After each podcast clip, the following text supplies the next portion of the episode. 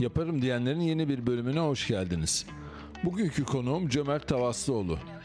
Cömert sektörünün lideri Suplementler.com'un da içinde bulunduğu Dikey Vitamin grubunun kurucu ortağı. Cömert ile yatırım bankacılığından girişimciliğe geçiş serüvenini, akıllı para smart money kavramını ve Türkiye'nin yeni girişimciler için sunduğu potansiyeli konuştuk. Umarım beğenerek dinlersiniz. Cömert merhaba, hoş geldin e, podcast'te. Öncelikle çok teşekkür ediyorum. Bu kadar önemli işlerin arasında zaman ayırdığın için.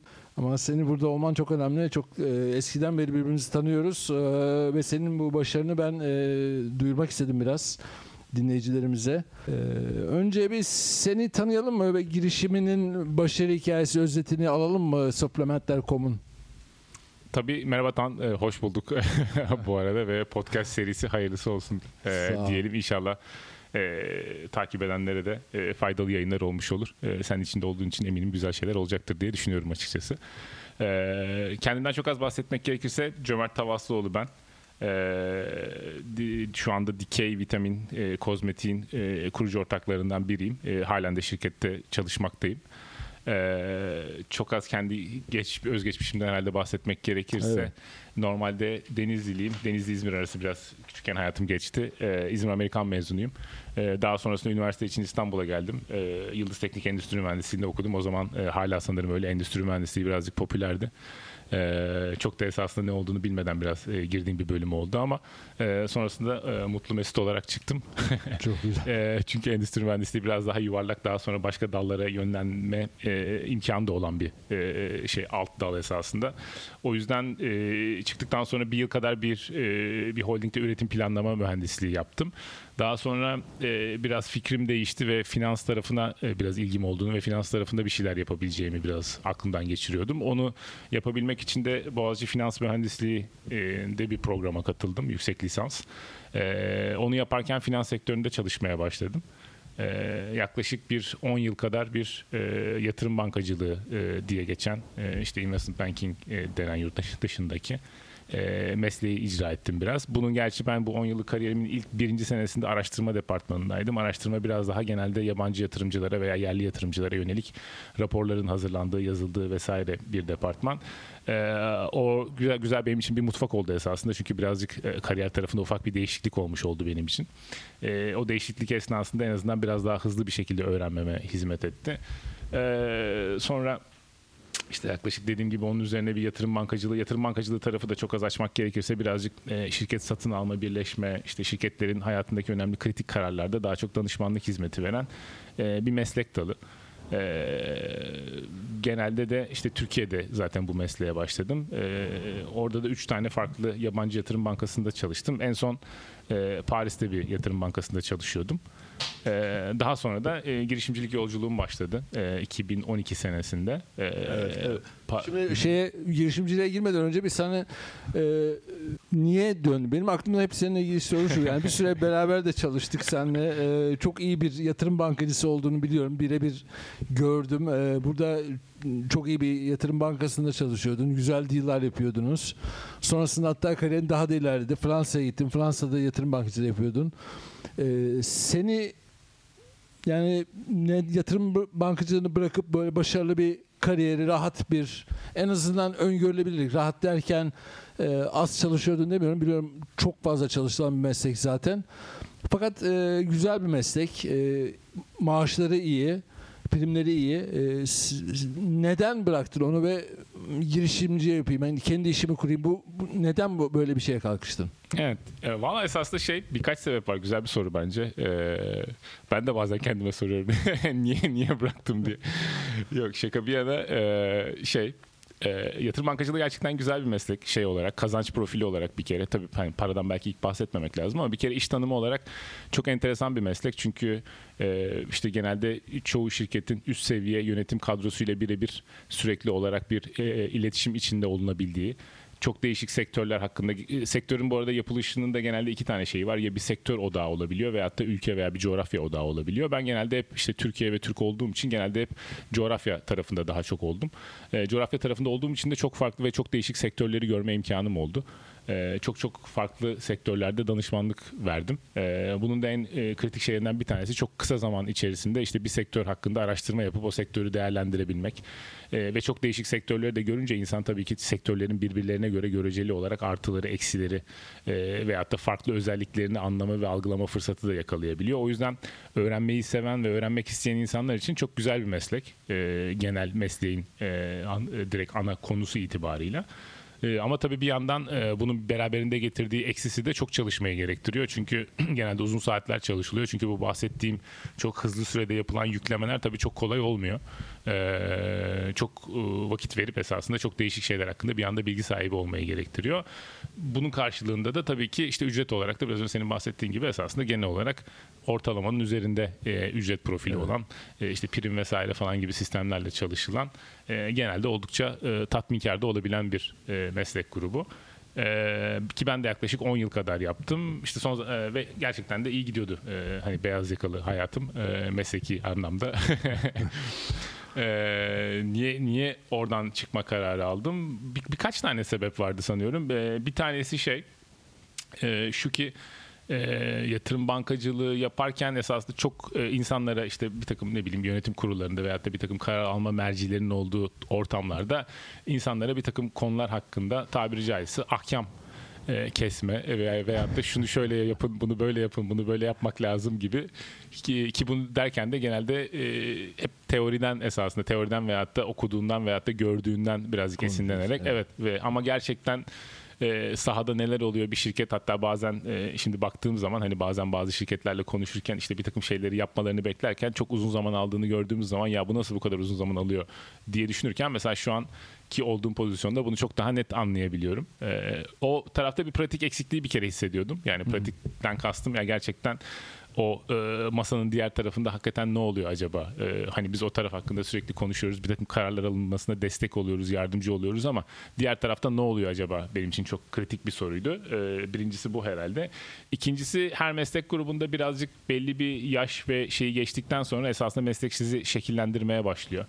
Ee, ya o mesleği iyi yapabilmek adına belli bir takım girmeniz gereken formasyonlar veya formlar olabiliyor. Bu form her zaman size uyuyor olabiliyor, uymuyor olabiliyor. Ee, yani bir işi yaparken işte sizden oradaki 10 yaş veya 20 yaş büyük en tepedeki insanlara baktığınız zaman o tarzda biri olmak istiyor muyum istemiyor muyum bence önemli bir soru. Ee, çünkü belli bir süreyi aşıp geçtiğiniz zaman da e, geri dönülemez bir şekilde esasında şekil değiştirmiş olabiliyorsunuz. O şekle gerçekten uyuyor musunuz, uymuyor musunuz e, sorusu var. Bu benim kafamda çok net cevaplayamadığım bir soruydu hmm. açıkçası. Ee, bir de belki üçüncü olarak şeyi söyleyebilirim. En son yurt dışında da mesleği icra ederken yatırım bankacılığını çok rekabetçi bir ortam açıkçası ve o rekabetçi ortam içerisinde gerçekten e, her an her şeyin olabildiği ve bunu esasında daha rekabetçi ortamlarda daha net görüyorsunuz. Bazen e, daha lokal veya şey ortamlarda bu kadar şey o bu sertlikte olmayabiliyor ama e, o sertlikte olduğu zaman çok başarılı olsanız bile bir an görüyorsunuz ki bazı önünüzde gördüğünüz örneklerde iş bir anda çok başarısıza döndüğünde de e, çok şey olabiliyor ki başarısıza dönme de bu arada sizin elinizde de olmayabiliyor. Bazen bir takım konjüktürel veya işte hmm. makro sebeplerden ötürü de başarısız gözükme ihtimaliniz olabiliyor. O yüzden bazen altınızda olduğuna inandığınız e, güvenlik ağları diyelim hani şey olarak hani ben nasıl hani hayatımın sonuna kadar bu şirkette kalırım veyahut da bu işi yapabilirim esasında çok da gerçekçi olmadığını da görebiliyorsunuz. Hmm. Bence bu da enteresan bir şeydi benim karar vermemde. E, son olarak da biraz e, esasında hani birazcık biraz önce kendimden de bahsettim ama bahsederken e, sonuçta bazı insanlar var mesela e, diyelim çok genç yaşlarda çok iyi resim yapabildiğini fark ediyor. Bence çok büyük bir şans. E, ve daha sonrasında da yıllarca o, o konu üzerine gidip eğilip kendini orada geliştirmeye çalışabiliyor. E, veya işte müzik aleti çalma evet. veyahut da başka bir konu mesela hani e, diyelim, ben... illa sanatsal olmayabilir yani. Bir, büyük bir şans gibi evet. görüyorum ben. Hatta hani o işte ne bileyim Malcolm Gladwell'in bu Blink kitabında falan da 10 bin saat kuralı falan vardır mesela. Öyle bir şey çünkü erken yaşta fark ettiği zaman insan o kadar çok pratik yapabiliyor ki hem bir yeteneği de varsa zaten kendini çok daha ciddi geliştirme fırsatı yakalıyor diye düşünüyorum. E, ben o kadar şanslı değildim. e, ben e, biraz önce de anlattığım gibi hani e, genel olarak belli yeteneklerim var herhalde ama e, çok da böyle hani illaki hayatım boyunca şunu yapmalıyım veya bunu yapmalıyım gibi bir hissiyatım çok olmadı açıkçası genç yaşlardan itibaren. O yüzden işte mesela e, işte endüstri mühendisliği daha çok moda gibiydi. Endüstri mühendisliğine biraz girdim, biraz oraya baktım. Daha sonra işte ya finans çok güzel gibi sanki bir de finansa e, gireyim bakayım finansta ne oluyormuş acaba diye e, baktım. E, işte sonrasında işte girişimcilik yolculuğu mesela o da esasında biraz öyle. Biraz e, yaptığım şeylerde de biraz ben de kendimi tanımaya çalışıyorum herhalde. Hayat e, biraz felsefi olacak ama hayat insanın kendini tanıma yolculuğu gibi. E, o, o yolculukta da insan kendini değişik şeylere değişik e, şapkalar altında veyahut da değişik durumlarda vesaire kendini daha iyi tanımlayabiliyor. Çünkü bazen uzaktan görüp de ya bu çok güzel tam benlik dediği şeyler insan içine girdiği zaman ya bu çok da benlik değilmiş diyebiliyor veya tam tersi de olabiliyor bu arada. Uzaktan görüp de ya ben bunu hayatta yapamam dediğiniz bazı şeyler içine girdiğiniz zaman bir anda inanılmaz keyif aldığınızı fark edebiliyorsunuz. Ee, ben de biraz orada kendimi tanımaya çalışıyorum. Ee, değişik hani şu ana kadarki hayatımda en azından çok da yaşlı sayılmam ama e, biraz kendimi değişik rollere, değişik şeylere sokarak e, hem öğrenmeyi seven bir e, yapım da var. O yüzden bu değişik durumlarda veya değişik pozisyonlarda da kendimi tanımaya çalışıyorum. E, girişimcilik de onlardan bir tanesiydi. O rollerden bir tanesiydi herhalde. Çünkü işte hani e, benim girişimcilik hikayem de çok şey değil. Hani bir mesela bu bir garaj girişimcileri var. Hani garaj startup dedikleri evet. biraz daha böyle okuldan hatta ayrılıp bir fikir hakkında böyle çok e, tutkulu olup o fikri hayata geçirmek için e, bir takım şeyleri yapan insanlar ki çok saygı duyuyorum. Yine çok güzel bence. E, benimki biraz daha ters bir girişimcilik hikayesi. Yani farklı bir girişimcilik hikayesi. Evet. Benimki biraz daha hani kurumsal hayatta e, belli bir süreyi geçirdikten sonra hatta kurumsal hayatta da yaptığım işler itibariyle birazcık iş planı vesaire incelemeyi de e, gördükten sonra birazcık e, köprüden önce son çıkış e, diyeceğim ama girişimciliğin de, de çok yaşı yok diye düşünüyorum. Hani e, ama benimki işte daha böyle 30'lu yaşlarda. E, biraz da ya farklı bir şey yapmam lazım sanıyorum ve e, o anki hayat durumu itibariyle de e, çok fazla sorumluluğum olmadığı atıyorum ailesel sorumluluğum olmadığı yani bekar çocuk vesaire falan gibi hmm. şeylerin e, bekar olmam ve işte çocuğum olmaması gibi durumlar sebebiyle e, yapabileceğim risk alabileceğim yüksek yani yüksek risk alabileceğim bir noktada olduğuma inandığım bir anda e, verdiğim bir karar esasında. Evet. Yani aslında biraz biraz e, hayat seni buraya getirdi. Önceki mesleğinde elde etmiş olduğun e, tecrübelerin, bilgi birikiminde sana herhalde bu işi yapabilirim diye bir güven de verdi diye anlıyorum. Peki neden e, suplementler ve neden bu sektörü tercih etti? Yani burada bir bilinçli tercih mi e, söz konusuydu? Yani ben işte e-ticaret alanına bakacağım burada büyük fırsat mı var diyordun yoksa böyle bir şey karşınıza çıkınca ha peki bak güzel bir şey hadi yapalım mı oldu? Nasıl ilerledin? Ee, şey zaten belli bir süredir esasında hep böyle içimde olan bir şeydi. Hani bir şeyler yapsak ama ne yapsak gibi. Ee, sonuçta Türküz. Sürekli insanın aklına çalışıyor zaten. Ne, ne, ne yapılabilir vesaire falan gibisinden. Ee, orada çok değişik fikirler hep aklıma geldiği oldu. Bir takım şeyler vesaire üzerinde çalıştığım da oldu. Olmayan şey, e, bir takım fikirler, hayata geçmeyen şeyler de oldu ki üzerinde içinde çok vakit harcadığımız işler de oldu bu arada. Hani e, sırf böyle fikir aşamasında değil çok daha ileriki aşamalardan da dönen e, bir takım projeler e, vesaire oldu. E, supplementler bu arada şirketin adı bizim dikey vitamin. Supplementler ilk yaptığımız iş olduğu için birazcık üstümüze logo veya da isim olarak yapışan bir şey evet, var. Yani marka olarak o bilindiği için o biliniyor. O aynen esasında bizim o şemsiye şey yapının altında işte supplementler.com var, vitaminler.com var, evet. fitmoda.com var e, bir takım içerik varlıkları var. Keza kendi ürettiğimiz, sattığımız markalarımız var vesaire. Evet. Biraz daha e, bir sağlıklı yaşam ekosistemi gibi e, tanımlıyoruz kendimizi esasında bir platform olarak e, veyahut da yapmaya çalışıyoruz yaptığımız işi. Ee, dediğim gibi başka işlerle de işte hatta e, seninle de bir ara bir e, maceramız olmuştu bir evet. evet. Türk başka başka bir grupla birlikte gerçi evet. ama şey e, o grubun altında mesela şey Türkiye'nin ilk gayrimenkul fonunu evet. e, kurmaya çalışmıştık ki bayağı çalışmıştık diye hatırlıyorum yani Doğru, şey. Evet. çok iyi, iyi noktaya da geldi ama 2008 krizine takıldık. Evet mesela 2008 ki orada da bence e, bazen konuşuyoruz aramızda da her şey çok doğruydu diye düşünüyorum. Hani genel evet. olarak bütün format, bütün planlama, e, bütün şey yapı gerçekten gerçekten çok çok iyiydi. Herhalde hayata geçseydi e, gerçekten çok başarılı, çok şey bir şey, e, çok iyi bir girişim olabilirdi diye düşünüyorum ama mesela orada işte 2008'deki şey mortgage kriziydi herhalde değil mi? Şey, Evet, o mortgage evet. krizine denk gelmişti. E, öngörülebilecek bir şey miydi? Değildi tabii Değildi ki yani. Evet yani biz orada Türkiye çapında bir şey yapmaya çalışırken tüm dünyadaki okyanustaki kopan fırtınaların ve dalgaların bir şekilde buraya vurması sonucu e, belki bir, bir buçuk yıllık bir çalışma çöpe gitti ama çöpe de gitmiyor esasında. Onlar insanla kalıyor birlikte Doğru. bir tecrübe olarak. E, onu yaparken de çok şey öğrendik. Ne, bunun gibi başka hani böyle baktığım yapmaya çalıştığım şeyler de olmuştu ama dediğim gibi hepsi bir şekilde o veya bu şekilde e, hayata geçmediği oldu. E, dikey vitamin tarafında dikey vitamin e, tabii orada da uzun bir hikaye var ama onun kısa versiyonunu anlatmam gerekirse e, biz yine e, o zaman şirketi kurduğum ortağım e, şu an hala ortağım olan arkadaşımla birlikte çalışıyorduk zaten yatırım bankacılığında da. E, ve çok değişik sektörlere bakıyorduk biraz önce bahsettiğim gibi dünyada. E, gerçekten e, işte demir çelik e, çimento bankacılık e, parakendecilik hastane sağlık servisi e, üretim, sanayi e, vesaire gibi hani şu an e, çok azını böyle sayabileceğim ama hani e, bunları daha da daha da çoğaltabilirim. Çok fazla sektöre baktığımız için genel olarak hep dünyadaki trendler vesaire bunları hep takip etmeye çalışıyorduk. E, neler var dünyada neler oluyor ne gibi değişiklikler geliyor. E, özellikle dijital tarafta yani teknoloji tarafı diyelim esasında biraz daha onu ben bir e, geniş bir e, konsept olarak kullanayım. E, içine her şeyi koyabiliriz. E, bütün teknoloji alanındaki tüm gelişmeleri. O taraf dünyada şu an bir mega trend. Dünyada mega trend olarak baktığımız zaman. Evet. E, mega trend derken de yine çok büyük bir dalgadan bahsediyoruz esasında. E, dokunduğu, üzerinden geçtiği her şeyi değiştiren, şekillendiren e, artık hani çok tekstil vesaire gibi geleneksel sektörlerde bile mesela teknoloji derken işte teknik kumaşlar kullanıyorlar mesela işte ağız terleten, havalandıran, Doğru. teri emen vesaire falan gibi. Her şeyin içerisinde böyle bir teknolojiden bir dokunuş bir e, şey olmaya başlıyor yavaş yavaş. O yüzden teknoloji tarafını çok ciddi megatrend olarak görüyorduk. İkinci gördüğümüz megatrend de şeydi. Sağlıklı yaşam. E, ve megatrend dememin sebebi de şu çok uzun yıllara yayılan yani çok kısa trendler de olabiliyor bazen bir iki yıllık mesela. Bunların üzerine iş kurmak veyahut da bir bir proje geliştirmek çok mantıklı olmayabilir. Çünkü hakikaten zamana karşı yarışılan bir şey.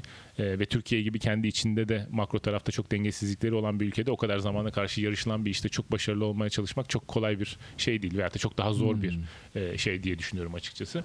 E, megatrend dediğim dememden kasıt dediğim gibi böyle daha 10-20 yıl hani onlarca yıla uzanan e, ve dokunduğu her şeyi değiştiren, dönüştüren ve çok da geri dönüş şansı olmayan e, veyahut da olacaksa da çok çok ileriki e, muhtemelen geleceklerde gelecekte olabilecek olan e, trendlerden bahsediyorum. Dediğim gibi birincisi teknoloji. Teknolojinin içine her şeyi koydum.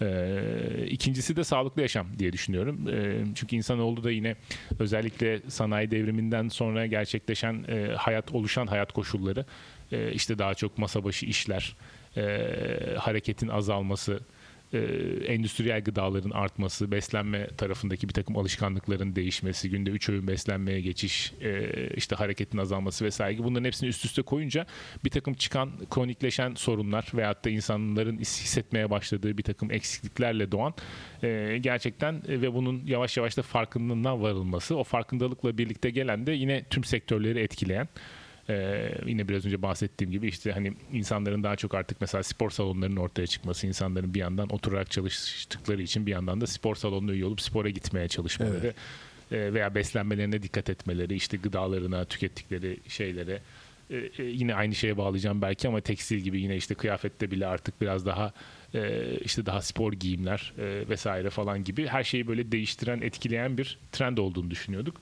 E, o iki trendin de kesiştiği yerde bir iş yapma fikri vardı esasında. Hem sağlıklı yaşam hem de teknoloji. iki mega trendin kesiştiği e, noktada bir iş. E, bu noktada da e, karşımıza bu sektör çıktı. E, biraz tesadüfen çıktı esasında. E, çok bilmediğimiz bir sektördü o zaman için. E, 2012 senesinden bahsediyorum. Yaklaşık Evet. 10 sene kadar önce. E, dünyada özellikle Amerika ve işte Avrupa ülkelerinde Amerika bu işin birazcık daha e, ana lokomotifi gibi tüm dünyada. Amerika ve Avrupa ülkelerinde biraz daha işte gelişen e, o an için. Ama hala e, orada genelde kullandığımızda bir tanım vardı hep. Yeterince büyük yeterince küçük. Yani sektör yeterince büyük. Herhangi bir şey yaptığınız zaman belli büyüklüğe ulaşabileceğiniz imkanı veriyor. Ama yeterince küçük. Yeterince küçükten de kastım e, köşe başlarının çok tutulmamış olduğu hmm. yani köşe başlarında böyle çok dev oyuncuların olup da bir şey yapmanıza engel olmaya çalışacağı bir ortamın olmadığı bir sektör anlamında. E, bu sektörle karşılaştık. Sektörle karşılaştıktan sonra biraz gerçekten e, bakmaya, incelemeye başladık ve bakarken de fark ettik ki normalde mesleki formasyon itibariyle de her baktığımız şeye kulp takma uzmanı e, olmuştuk. E, çünkü çok fazla iş planı görünce, çok fazla sektör iş görünce e, kötü giden iş de çok fazla görünce artık neyin hani risk faktörleri nelerdir, nerede ne kötü gidebilir vesaire hep böyle bir e, birazcık felaket tellalı gibi bir e, Doğru, şey. risk faktörleri evet. e, büyüyor senin büyüyor. gözünde. Evet, Başkanın evet. görmediği riskleri görebiliyorsun. Aynen aynen bir şeye bakınca da sürekli esasında o iş şeyle ilgili esasında ilk başta hemen riskleri direkt sıralamaya başlıyorduk. Evet. Biraz mesleki deformasyon gibi. Evet. e, ama bu sektöre baktıkça ya, hakikaten esasında çok ilginç bir sektördü. E, hala da öyle olduğunu düşünüyorum. E, işte dediğim gibi hem sağlık yaşam bir kere konumlama olarak çok doğru bir konumda. Makro konumlama olarak sektör. E, sektörün altına doğru indiğimizde de gerçekten bize bakmaya başladık ve hakikaten ya sektör fena değil. Çok fazla şey gözükmüyor. Hani daha gayet güzel, yeterince büyük, yeterince küçük bir sektör e, diye düşündük. Öyle düşünmeye başladıktan sonra da daha da e, farklı araştırmaya başladık. Sonra Türkiye'deki şeye baktık duruma. E, tüm dünyadaki değer zincirini biraz inceledik. Kim ne üretiyor ham maddeden e, nihai tüketiciye ulaşana kadar sektörün ne gibi e, şeyleri var. E, değer zincirindeki geçişlerini incelemeye başladık. Trendlere bakmaya başladık. Dünyadaki son 10-20 yıldaki sektördeki trendler vesaire. Bunların hepsine baktıktan sonra da Türkiye'de gerçekten bu tarafta ciddi bir fırsat olduğuna kanaat getirdik. Çünkü e, Türkiye birazcık daha bazı bazı sektörlerde çoğu sektörde bazen böyle oluyor ama birazcık dünyayı geriden takip ediyor ama e, bahsettiğim gibi iki mega trendin de üzerinde içinde olan bir sektör olduğu için çok da hızlı bir büyüme potansiyeli vaat ediyordu açıkçası. E, o yüzden biz de onu değerlendirmek istedik. O yüzden e, bu e, sektör VMHS diye geçiyor esasında. VMHS diye geçiyor yurt dışında. İşte V'si vitamin, M'si mineral, e, H'si herbal biraz daha bitkisel vesaire ürünler. S'si de supplement, sports nutrition falan için kullanılabiliyor. E, birazcık o da işte sporcu gıdaları, sporcu takviyeleri tarafı gibi. Evet. E, genel şemsiye bir sektör. Çok fazla alt kategorisi var içinde. Çünkü e, çok fazla yan dallanmaları da olan hani işte güzellikten, e, kozmetikten, e, fonksiyonel gıdalara kadar çok farklı noktalara dokunabilen de bir sektör bir yandan. Kendi alt içinde de çok ciddi bir genişleme şeyi var. Potansiyeli olan bir e, kategori. O yüzden e, bu tarafta biz yatırım e, yapma fikri oluştu. E, ve biz de hani yatırım bankacısı olmamıza rağmen e, fikri gerçekten kafamızda oynadıkça ve büyüttükçe gerçekten inandık ve yapmaya karar verdik. Peki çok güzel. Yani sen o yatırım bankacısı olarak o sektörü detaylı bir inceleme ve pazarı ve de trendleri ışığında bu alan güzel dediniz. Peki girdin ama ben e, yanlış hatırlamıyorum. Sen siz ilk e, girdiğinizde daha çok suplement satıyordunuz e, diye hatırlıyorum evet, değil mi? Evet, evet. Peki şeyi nasıl hayata geçirdiniz? Yani e, ilk günden aklınızda bir büyüme planı olduğunu ben anlıyorum şimdi söylediklerinden. Bunu nasıl zamanla hayata geçirdiniz ve o sırada bu büyümeyi gerçekleştirirken e, çünkü her büyüme e, şirket için bir finansman ihtiyacı demektir aslında. Nadir durumlar dışında. Bunu nasıl karşıladınız? Ee, şey mesleki mesleğimiz bu olduğu için esasında ilk başta çok şey yaptık. Ee, mesela ortağım ve ben birbirimize sunumlar yapıyorduk. ee, iş iş bittikten sonra bir normal mesaimiz vardı. Normal mesaimiz ve işimiz bittikten sonra da gece saatlerinde birlikte oturuyorduk ve işte tüm dünyada sektör, değer zinciri vesaire falan araştırıyorduk ve e, şu anda bile baktığım zaman geçmişe 10 sene önce kendi kendimize yaptığımız mesela e, sunumlar var. O sunumlarda gerçekten dünya işte nereye gidiyor, biz neresinden girebiliriz, nasıl bir e, stratejiyle ilerleyebiliriz, Türkiye özelinde Türkiye'de nasıl bir gidişat öngörülebilir, bunu bu, bu, burada biz ne yapabiliriz vesaire gibi e, bir takım e, şeyler üzerinde çok ciddi e, söylediğim gibi mesleğimize de biraz uyduğu için esasında şeyi yaptık. E, bir ön çalışmamız ve ön hazırlığımız vardı gel. E, hani hiçbir zaman için ya böyle bir fikrimiz vardı ve e, hemen pıt diye atladık gibi evet, değil esasında. Ön, aldık. Köle, aynen değil. bir, bir şey. ön, ön hazırlık dönemimiz neredeyse 3-6 ay arası diyebilirim. E, 6 aya yakın çok yoğun bir şekilde ve e, gerçekten hakikaten bu işi yapmak istiyor muyuz istemiyor muyuz? Çünkü karar da bizim için önemli bir karardı. Çünkü işte senin de söylediğin gibi sonuçta yatırım bankacısıyken de e, hem iyi kariyerlerimiz vardı. E, gayet iyi yerlerde çalışıyorduk, iyi paralar kazanıyorduk. O yüzden bırakacağımız şeyler de bayağı fazlaydı şey olarak hani bugün baktığım zaman e, geriye dönüp e, güzel bir hayatı bırakıp evet, bir, an, bir anda belirsizliklerle evet. dolu e, ne olacağı belli olmayan bir yolculuğa çıkmak esasında bizim yaptığımız. E, o açıdan işte ön hazırlığı çok iyi yapmaya çalıştık gerçekten. E, çok ciddi çalıştık, şey yaptık ve orada hakikaten bir e, şeyimiz vardı, bir stratejimiz vardı. O tarafta da bizim iş planımız zaten şeydi. İlk başta bu işte biraz önce bahsettiğim VMHS'in S'si birazcık sporcu gıdaları tarafından girerek zaten diğer yan kategorilere doğru açılma planımız vardı. E, ki o da zaten şu ana kadar başarıyla devam ediyor açıkçası. E, bunu yaparken de tabii işte senin de bahsettiğin gibi sonuçta ilk başta biz iki kişi olarak şirketi kurduk ve iki çalışanı olan iki kişilik bir şirkettik sadece. E, ve tabii ki şu anki e, büyüklüğüyle çok alakası yoktu. E, o yüzden de bu değişik büyüme anlarında değişik e, yatırım veyahut da işte fonlama ihtiyaçlarımız oldu bizim de. E, tabii ki eski mesleğimiz olduğu için de biz biraz o tarafta daha şanslıydık diyebilirim. E, çünkü yatırımcıları ve birlikte birlikte yola çıkabileceğimiz insanları çok daha iyi tanıyorduk. Ee, orada bizim yaptığımız en önemli şeylerden bir tanesi genelde para alırken şirketin içerisine sırf para değil genelde biraz akıllı para diyelim hani smart money e, dedikleri evet. belli bir e, know-how'u olan veyahut da şirket içerisinde sırf para değil belli bir know-how getirebilecek. Çünkü para bugün bankadan da bulunabiliyor veyahut da eş dost herhangi birinden de bulunabiliyor ama burada önemli olan özellikle şirketler küçükken e, çok değişik e, veyahut da değişik uzmanlık alanlarında değişik bilgiye ihtiyaç duyabiliyorlar. E, özellikle küçük safhalardayken yoksa şirket belli büyüklüğe geldikten sonra zaten kendi imkanlarıyla belli bir takım şeyleri parayla satın alabiliyor. Belli bir takım know-how'ları veyahut da bilgileri ama bu danışmanlık olabilir ama şirkete bir çalışan evet. e, çalışan almak olabilir, işe almak olabilir. Ama şirket küçükken gerçekten çok hayati, çok kritik bazı şeylerde dokunuşlar olabiliyor.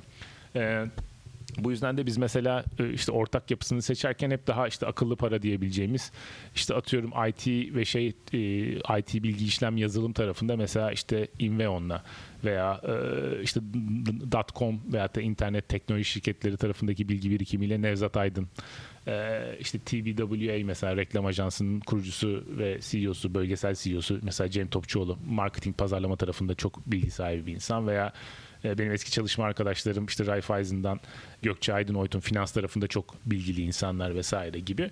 Ee, bir takım böyle hep e, şey e, konusunda gerçekten bilgi sahibi olan e, sadece para değil aynı zamanda belli alanlarda da belli bilgi birikimini masaya getirebilecek olan örneğin pazarlama konusunda gerçekten bir şeye ihtiyacınız olduğunda veya da yazılım IT tarafında bir şeye ihtiyacınız veya finans tarafında e, bir şeye ihtiyacınız olduğunda size gerçekten katma değer yaratabilecek ki dediğim gibi bu şirketin hani küçük olduğu safhalarda bunlar çok kritik dokunuşlar Kesinlikle. çünkü bir anda orada çok ciddi bir e, bir hendeyi aşmanızı sağlayabiliyor. Çok ciddi bir engeli aşmanızı ve hatta rakiplere göre çok ciddi fark yaratmanızı sağlayabiliyor. Tabii ki dediğim gibi şirket büyüdükçe e, bu tarz dokunuşlara ihtiyaç azalıyor gittikçe ama ilk başlarda çok kritik. O yüzden ilk başlarda e, yatırımcı seçerken bence sadece paradan ziyade çünkü sadece parayı bankada verebiliyor günün sonunda. E, önemli olan orada birazcık daha katma değer yaratabilecek insanları seçebilmek. Evet. Onlar peki o insanlarla çalışma sistemi nasıl? Yani yönetim kurulunda mı yer alıyorlardı yoksa böyle bir daha informal e, bir danışma grubu gibi miydi ya da e, nasıl onlarla ilişkini yönettin? Biz informal tarafı çok kullandık. Çünkü e, yönetim kurulunu her zaman almak çok kolay olmayabiliyor yüksek profil insanları. Çünkü o işte bir takımdan kompitleri veyahut da başka e, ana ana şirketlerinde verdikleri hani başka kurullarda olmama gibi bir takım e, şeyleri de olabiliyor. E, o yüzden informal taraftan da çok ilerledik. E, önemli olan orada ikili diyalog veyahut da diyalogların iyi olması ve açık olması. E, ve karşı tarafı tanıyor olmak esasında. Nerede onun tam nasıl yardımcı olabilir olabileceğini biliyor olmak. Bunlar çok kıymetli ve e, sürekli de zaten iletişim halinde olup o şekilde ilerletildiği zaman biz burada biraz şanslıydık. Çünkü bunların hepsi zaten eskiden bizim tanıdığımız veyahut da birlikte çoğuyla da çalıştığımız insanlar. O yüzden nasıl çalıştıklarını, nasıl insanlar olduklarını vesaire çok iyi biliyorduk. E, yatırımcı ve ortaklık çünkü bir yandan da zor bir şey. E, çünkü ortaklık esasında kalıcı bir e, yapılanma. E, kalıcı derken e, sonsuza kadar değil tabii ki. Hani belli zamanda ortaklıklar da bitebiliyor ama en azından bağlayıcı bir anlaşma. Uzun süreli bir Uzun şey süreli yani. aynen evet. bağlayıcı olduğu için de hani bir anda ya ben bu adamı sevmiyorum hadi bu adam gitsin diyemiyorsunuz hani şey olarak. Evet. O yüzden o dediğim gibi düzgün mesela biz çoğunu tanıdığımız için zaten ve eskiden de hukukumuz olduğu için hepsi bildiğimiz insanlardı veya keza hakeza hani benim kendi şirketteki ortağım da mesela e, birlikte çalıştığım bir insan olduğu için iki yıl vesaire falan gibi birbirimizi zaten tanıdığımız e, çalışma şeklini bildiğimiz hem de tanıdık derken de sırf sosyal ortamlardan değil çalışma ortamı içerisinde birbirimizi tanıdığımız insanlar. O büyük bir şans. E, o yoksa da en azından e, referans almak çok önemli bence yatırımcılar konusunda. Çünkü hangi yatırımcı nasıl davranıyor? Herkesin çünkü farklı karakteristikleri olabiliyor.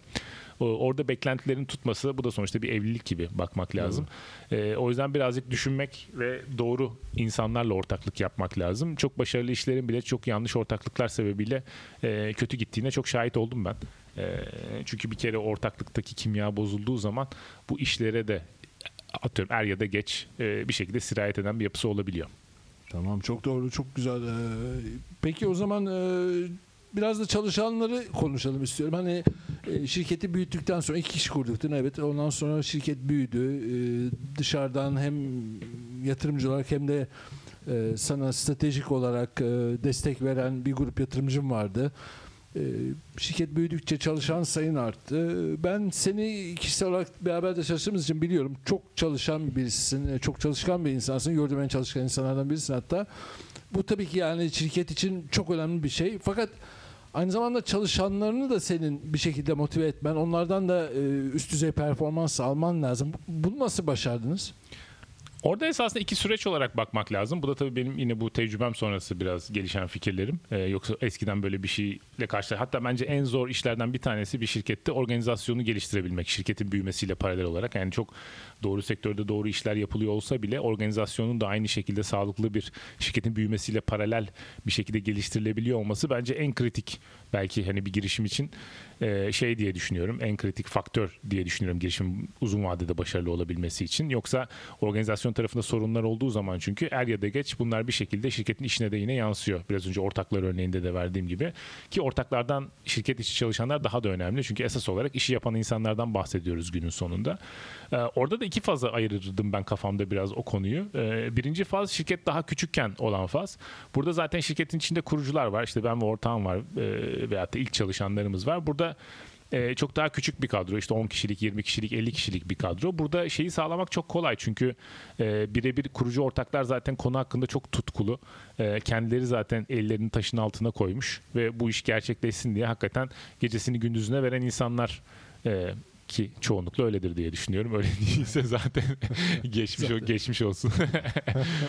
Ama e, böyle insanlarla siz birebir de temas ettiğiniz herkese esasında o enerjiyi aktarabiliyorsunuz. E, yani işte bir gün sokakta yürüyen bir insan ertesi gün sizin şirketinize girdiği zaman o sizin tutkunuzu gördüğü zaman siz ona bir şeyler katabiliyorsanız sürekli kendi mesleki anlamda ve o da sürekli orada bir bütünün parçası olarak kendini hissedebiliyorsa ki siz de çok yakın olduğunuz için bunu hissettirebiliyorsunuz zaten. E, sonrasında herkes çok kolay bir şekilde o ortak hedef veyahut da ortak fikirler etrafında bir araya gelebiliyor. O yüzden ilk seneler nispeten biraz daha kolay seneler. Çünkü direkt olarak kurucuların enerjisi etrafında kümelenen bir yapı ve o yapıda herkes birebir de kurucularla ve şeyle temas halinde olduğu için e, çok daha kolay e, motive oldukları, çok daha kolay angaja oldukları, hedefe kitlenebildikleri, ortak e, fikirlere sahip çıkabildikleri bir şey. Esas problem biraz daha böyle e, ne nasıl belki 50-100 kişiden sonra başlıyor hmm. gibi diye düşünüyorum. Orada çünkü yavaştan gitgide kademeler artmaya başlıyor e, ve ortakların enerjisi değil esasında aynı hedefleri ortaklar kadar sahiplenen e, ara tabakadaki insanlara ihtiyaç duyuluyor ki bu yine ortak fikir, hedef birlikteliği aşağıya kadar indirilebilsin. O biraz daha bence zor olan kısım burası. Hani burayı biraz hayata geçirebiliyor olmak.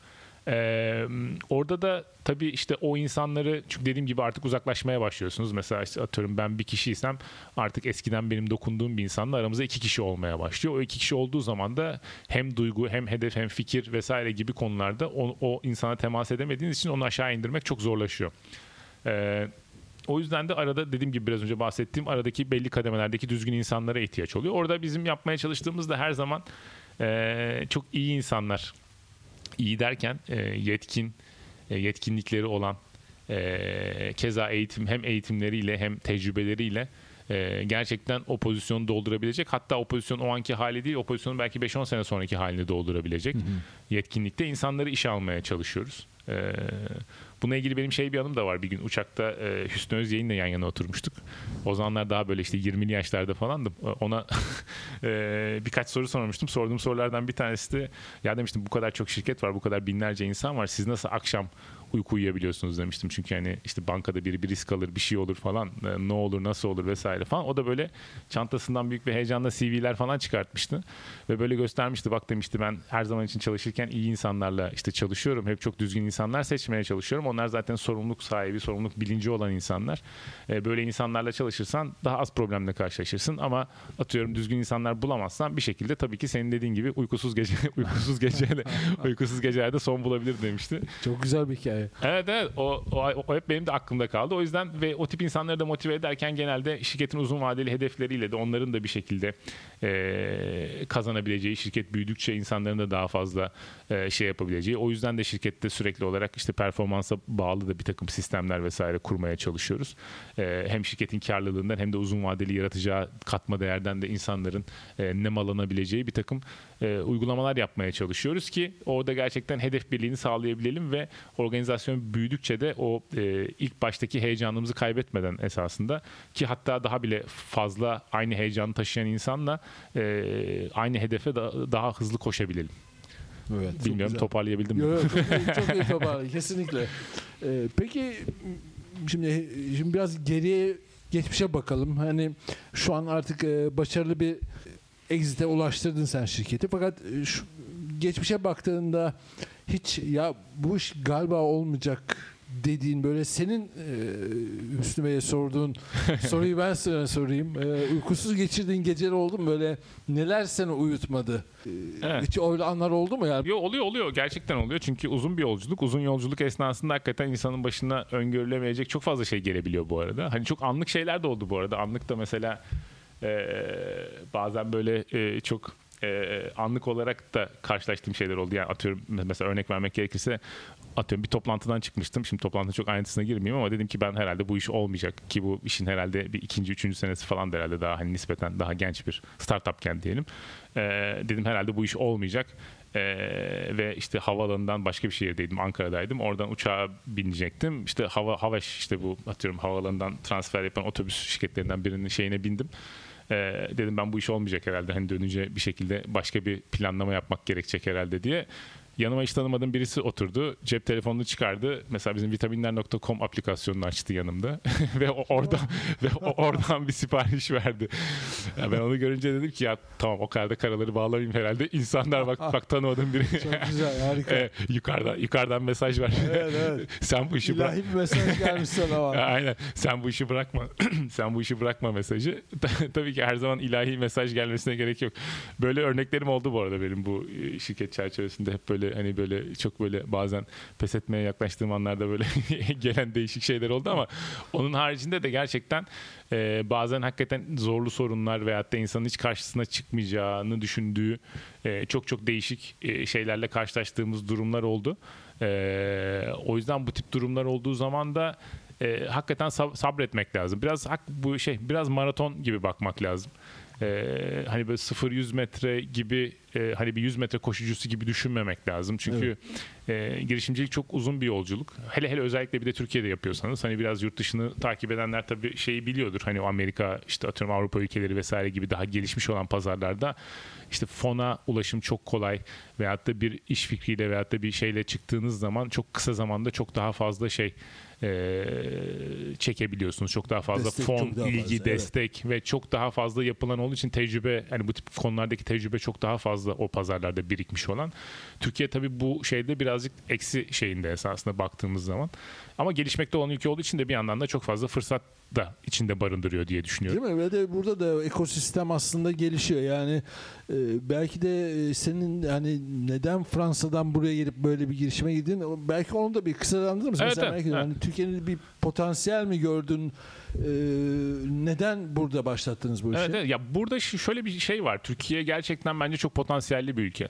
Ee, bugün biz bile şu an Avrupa'da bile çok, çok fazla insanla konuştuğumuz zaman bugün bizim İstanbul tek bir şehirde yaptığımız satış bile bazen bazı ülkede yapılan satıştan daha fazla olabiliyor. Yani çok ciddi bir potansiyel var esasında. Çok hareketli, çok genç bir nüfus. Hani bunlar biraz klişe gibi geliyor olabilir tabii kulağa da ama bunların hepsi gerçekten e, rakamlarla kanıtlı olan şeyler ve Türkiye işte G20 diyelim. Hani gerçi şu an biraz 22-23'e doğru gitti galiba ama e, Türkiye sonuçta bir G20 ülkesi ve G20 baktığımız zaman potansiyel olarak e, dünyada hani bugün 200 küsür tane ülke varsa işte siz doğarken atıyorum bir kura çekiliyor olsa esasında G20'ye çıktı diye insanın seviniyor olması lazım. Çünkü hakikaten dünyadaki en potansiyelli bir şekilde tabii ki bunu sağlayan nüfus da var vesaire bir takım etmenler de var tabii ki şey olarak ama e, ciddi potansiyeli olan bir ülke diye düşünüyorum ben.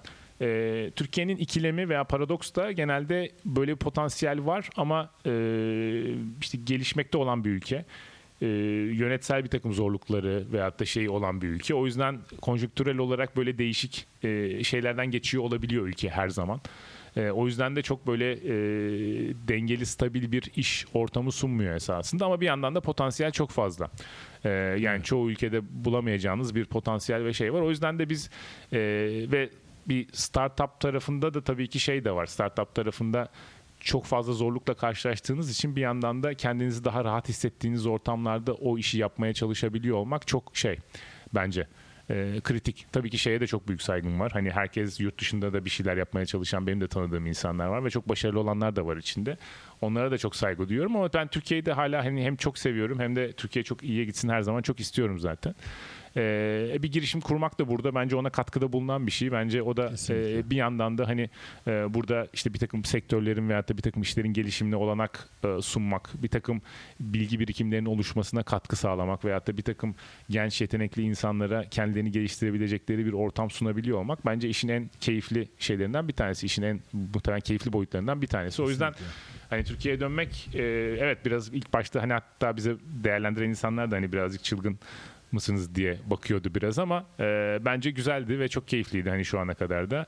E, belki başka bir ülkede yapsak başka bir şey olurdu ama tabii o bu alternatif tarih yani şey. Evet, E, evet. Ama hani biz şu ana kadarki şeyden mutluyuz açıkçası. Evet, çok güzel. Yani peki sonuçta e, Cömert bu 10 senede e, e, gerçi 9 sene desek sizin e, en son e, e, şirketin e, Nestle'ye satışı sanırım geçen sene olmuştu diye hatırlıyorum. Doğru mu?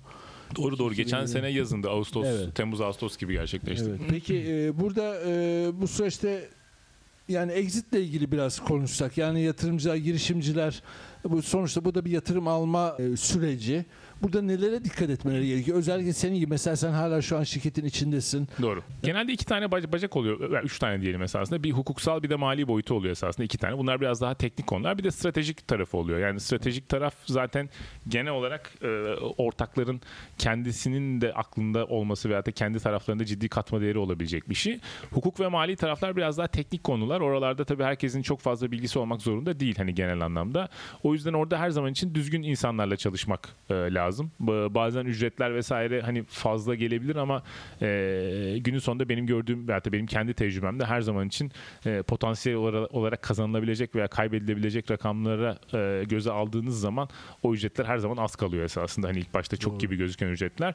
O da her zaman zeki şekilde de çözülebilir. Hani bir takım bu servisi veren insanlar belki ortaklık yapısı içerisine dahil edilebilir e, gibi hani bir şey bir, bir, takım e, zeki çözümler de bence her zaman yapılabilir ki çok da mantıklı olduğunu düşünüyorum hani o ти пише. E, ama şeye bakmak lazım. Gerçekten hani bir evlilik gibi esasında ortaklıklar bütün şeyler. E, her zaman tabii iyi niyetle başlıyor e, ve iyi olması için başlıyor ama işlerin kötü döndüğü pozisyonlarda olabiliyor E, ve çoklukla oluyor. Genelde tabii piyasada hep e, başarı örnekleri e, sunulduğu için insanlara tabii başarı örneklerine bakınca hani her şey güllük gülistanlıkmış gibi gözükebiliyor ama başarı örneklerinin içinde bile bu arada e, çok ciddi sürtüşmeler veyahut da şeyler olan e, durumlar da oluyor. O yüzden bu şeye dikkat etmek lazım gerçekten. E, hani e, işte kiminle fonlarken veyahut da ortak olurken kiminle ortak oluyorsunuz gerçekten. Şu an biraz önce konuştuğumuz gibi Türkiye'de de ekosistem yavaş yavaş gelişiyor esasında. Orada da bir takım isimler var ortalıkta. E, çok ciddi yatırım yapan e, hem yatırımcılar var e, hem fonlar var vesaire. O yüzden onların da artık geçmiş belli bir e, şeyleri olmaya başladı. O yüzden piyasadan da artık hani kimin e, nasıl iş yaptığı, tarzının ne olduğu vesaire bilgileri artık edinilebilir vaziyette. Ona çok dikkat etmek lazım ki doğru insanı seçmek hani uyum yakalayabilmek hem uyum hem de şirketin başarısına katkı sağlayabilecek e, insan veya yatırımcıları bulmak. E, kontrol vesaire gibi konular çok tabii ki şey konular, e, çok kritik konular. E, burada o yüzden hani özellikle kurucuların ve şirketin vizyonu ve stratejisi hakkındaki esas ana şeyi olan insanların her zaman bir şekilde şirketin kontrolünde kalması lazım. O yüzden e, biraz, biraz bu tip bu tip konularda çok çok çok daha da ekstra dikkatli olmak lazım. Ama her zaman dediğim gibi hani hukuk, hukuk ve mali işler tarafında da potansiyel şey kurumsal destek veyahut da danışmanlık anlamında iyi bir e, bilgi kaynağına erişim olabiliyor olması çok önemli. Bu eş dost da olabilir. İşte parası verilip de yapılabilir. Şirkete ortak da yapılabilir. Çok farklı modeller de kurgulanabilir. E, bunlar bence çok kritik ki e, şirket bir şekilde başarılı olabiliyor olsun. Türkiye bu konuda biraz daha maalesef şanssız şey olarak hani fonlama. Çünkü Türkiye'de finansal koşullar her zaman çok stabil olmayabiliyor. E, stabil olmadığı için de haklı olarak yatırımcılar tarafında da e, çünkü normalde işte e, işte gelişmiş ülkelerde sonuçta e, sabit faiz oranları vesaire çok az olduğu için insanlar çok daha büyük getiri getirebilecek olan işlere daha büyük kaynak ayırma eğiliminde evet. oluyorlar ama Türkiye'de zaten çok büyük risk almadan da çok ilginç şeylerden çok paralar kazan kazanabildiğiniz bir ortam olduğu için böyle daha e, riskli konulara e, biraz daha ilgi az olabiliyor. E, göreceli evet. olarak tabii konuşuyorum. E, ama işte yakın zamanda özellikle son e, belki 7-8 senedir falan çok güzel örnekler var artık. Hani Türkiye'den de unicornlar, e, milyar euroluk, dolarlık şirketlerin çıktığına tanıklık ediyoruz ve bunlara yatırım yapan insanların da çok fazla para, e, çok ciddi hak ederek kazandıkları paralar var.